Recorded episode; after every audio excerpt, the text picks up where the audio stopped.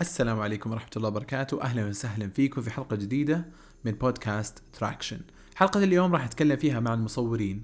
كيف أنت كمصور تقدر تسوق لخدماتك وترفع من جودتك وترفع من أسعارك مع الوقت؟ حلقة اليوم هي عبارة عن عصارة عشر سنوات من العمل كمصور وصانع محتوى لشركات كثيرة هنا في السعودية وقبلها في مونتريال كندا. خلينا نبدأ مع أول خطوة. الخطوة الأولى وهي قد تكون أسهل الخطوات لكن في كثير للأسف من المصورين يرتكبون خطأ أنه ما يشتغلون عليها وهي التخصص.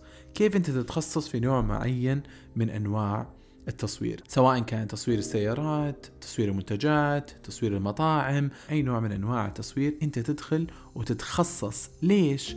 لأنك إذا تخصصت أنت تقدر تصنع بورتفوليو أو تصنع كذا ملف فيه قائمة الأعمال اللي أنت سويتها على مستوى واحد.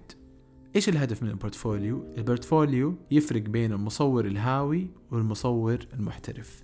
المحترف إيش يميزه؟ إنه قادر على إنه يوصل نفس النتيجة أكثر من مرة، نفس النوع من التصوير في أكثر من مكان، فإذا أنت تخصصت في نوع معين من التصوير، أنت راح تكون قادر على إنك توصل نفس النتيجة لعملاء كثير. وإذا قدرت إنك توصل النتيجه هذه نفسها لعملاء كثير أنت معناته قدرت إنك تصنع portfolio مرة قوي على مستوى معين في تخصص معين. وللمعلومية مجرد انه يكون عندك portfolio أنت تقدر ترفع من سعرك الضعف إذا ما كان ثلاث أضعاف السعر بدون ما يكون معك portfolio فهذه الخطوة الأولى تخصص.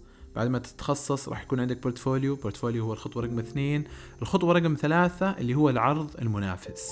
تبدأ تبحث عن العميل اللي نفسك تشتغل معه.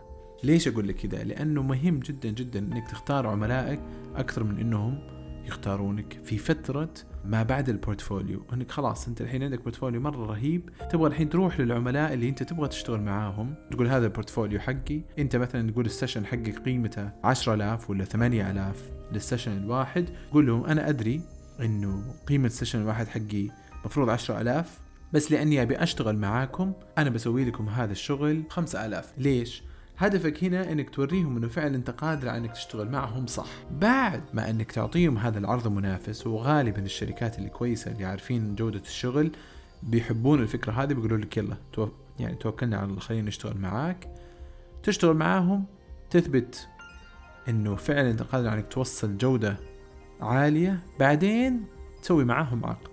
وهنا فعلا الشغل الصح. العقد حتى لو كان سعره أقل أنت تضمن انه يكون معاك contract مع الشركة اللي أنت تبي تشتغل معاها لفترة طويلة. ففعلا تسوي portfolio جديد من شركة واحدة لكن لأعمال كثيرة بنفس الجودة. هنا بعد ما تمر خلينا نقول ثلاثة أو أربع شهور من عملك معاهم أنت الآن تقدر ترفع سعرك مرة ثانية وتروح تشوف العميل الثاني اللي أنت تبغى تشتغل معاه وتعطيه عرض منافس مع السعر الجديد. السر بهذا التريك أنه أنت ترفع جودة عملك وترفع سعرك كل ثلاثة إلى أربعة إلى خمسة شهور على حسب تطورك وعلى حسب قدرتك على أنك تقدم عمل بجودة مستمرة. وهذه خلاصة كيف أنك تقدر تنتقل من هاوي إلى محترف في التصوير ويكون عندك عقودك ويكون عندك العملاء اللي انت فعلا تبغى تشتغل معاهم وتنبسط بالعمل معاهم. أسأل الله التوفيق لكم جميعا كمصورين كفنانين يلتقطون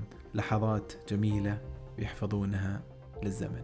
لو كانت الحلقة قصيرة والتفاصيل اللي فيها كثيرة فأنا بسطت لكم الموضوع وكتبته في مدونتي الخاصة اللي تلقون رابطها في صفحة البودكاست والمدونة هي باسمي أمير الباحوث دوت كوم.